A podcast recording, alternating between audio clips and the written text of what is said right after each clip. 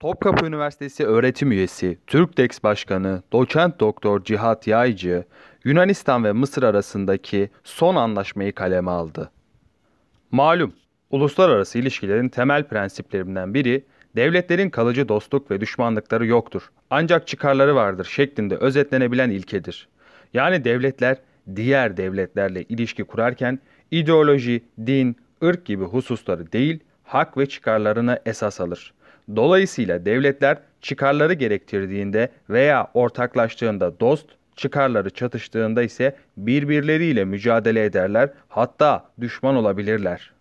Devletler hak ve çıkarlarını gözetir. Yani bazı istisnalar hariç çıkarlarınız doğrultusunda dost veya düşman olursunuz. Karşılıklı mücadele ettiğinizde, çatıştığınızda ya da işbirliği yaptığınızda aslında hedefiniz devletinizin çıkarını, haklarını korumak, geliştirmek, gerçekleştirmek veya elde etmektir. Dolayısıyla devleti yönetenlere diğer devletlerle ilişkilere ilişkin sorulması gereken soru, çatışarak, mücadele ederek ya da dostluk, işbirliği yaparak ne elde ettiğimiz ya da edeceğimizdir. Elbette hiçbir devlet çıkarına zarar verilmesine, haklarına tecavüz edilmesine izin vermez, izin vermemelidir. Unutulmaması gereken hayati bir çıkar da güvenlik ihtiyacıdır. Devletler asla güvenlik ihtiyaçlarını göz ardı edemez. Mısır ile tarihi dostluk ve akrabalık bağlarımız vardır.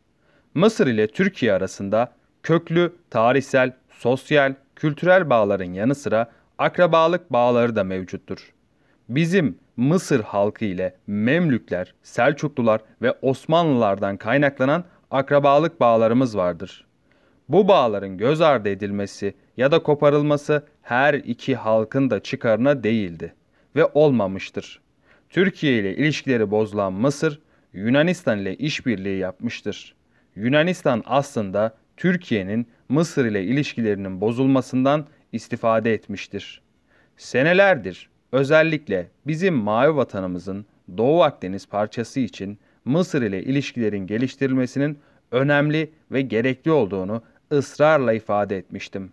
Mısır ile ilişkilerin kötü olmasının Mısır'ın Yunanistan'a yaklaşmasına sebep olduğunu, Yunanistan'ın da bunu istismar ederek Türkiye karşıtı bir cephe kurduğunu dile getirmiştim. Türkiye karşıtı bu cephenin kurulması bizim Mısır ile tarihi dostluk ve kardeşlik bağlarımıza ve çıkarlarımıza tamamen ters düşmektedir.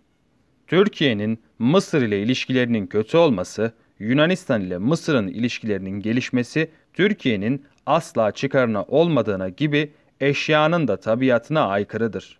Yunanistan yalnızca kendi çıkarlarının peşinde olan, sözde işbirliklerinden de hedefi sadece kendi hedeflerini elde etmek olan, kapasitesini aşan yayılmacı anlayışa sahip, bu hedeflerine ulaşmak için de sürekli başkalarının himayesinde olmayı huy edinmiş, olgunlaşamamış bir devlettir. Bugün Doğu Akdeniz'de Mısır ile ilişkilerimizin düzeltilmesi karşılıklı çıkarlarımızın gereğidir. Yunanistan, Mısır ile ilişkilerimizin düzelmesini asla istemiyor. Nihayet Cumhurbaşkanı Recep Tayyip Erdoğan 21 Kasım 2022'de Katar'da Mısır Cumhurbaşkanı Abdülfettah Es-Sisi ile el sıkıştı. Yunanistan Dışişleri Bakanı ise hemen ertesi gün 22 Kasım 2022'de apar topar Mısır'a gitti. Yani Yunanistan Mısır ile ilişkilerimizin düzelmesini asla istemiyor. Bu bile Mısır ile ilişkilerimizin neden gelişmesi gerektiğine dair basit bir göstergedir. Türkiye'nin Mısır ile ilişkilerinin gelişmesinin önünde aslında hiçbir engel yoktur. Keşke hiç bozulmasaydı veya çok daha önce düzelmiş olsaydı. Ama zararın neresinden dönersek kardır. Mısır'ın Yunanistan ile imzaladığı anlaşma haklarımızı yok saymaktadır. Ancak gözden kaçan ya da tepki verilmeyen çok önemli bir hususu gündeme getirmek istiyorum.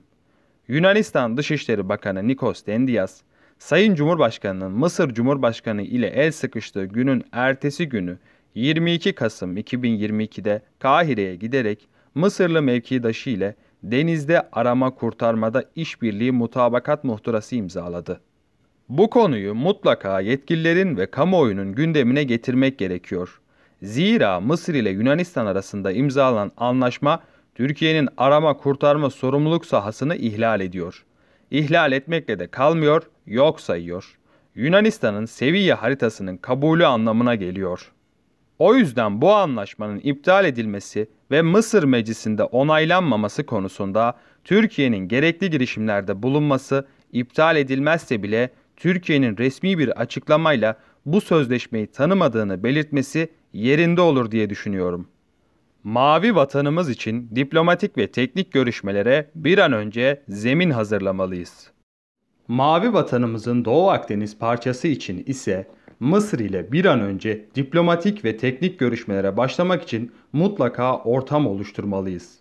Mısırlı yetkililere ve kamuoyuna Yunanistan ve Güney Kıbrıs Rum yönetimi ile yaptıkları anlaşmalara nazaran Türkiye'nin Mavi Vatan haritasının yaklaşık 21 bin kilometre kare yani yaklaşık iki Kıbrıs adası büyüklüğünde deniz alanı sunduğunu anlatmamız lazımdır. Unutmayalım ki Yunanistan ve Mısır sözde deniz yetki alanları sınırlandırma anlaşması imzalamadan önce yaklaşık 15 yıl süren teknik görüşmeler yapmışlardır. Bizim de Libya ile anlaşma gayretlerimiz yaklaşık 10 yıllık bir süreçtir. Yani ilişkilerimizin düzelmesinin çıkarlarımız açısından bir sonucu olmalıdır. Dediğim gibi keşke Mısır ile ilişkilerimiz hiç bozulmasaydı. Ama zararın neresinden dönersek kardır. Ama bu noktada şu hususu da dikkat çekmek isterim. Bir an önce ortaya koyacağımız haritayla Doğu Akdeniz'de münhasır ekonomik bölge ilan ederek kıyıdaş devletlere ne kadar kazançlı çıkacaklarını göstermemiz gerekir. Esasen usul de budur. Önce ilan et, sonra anlaş. Bir sonraki yazımda ise Suriye ile ilişkilerin düzeltilmesi gerekliliğine değineceğim.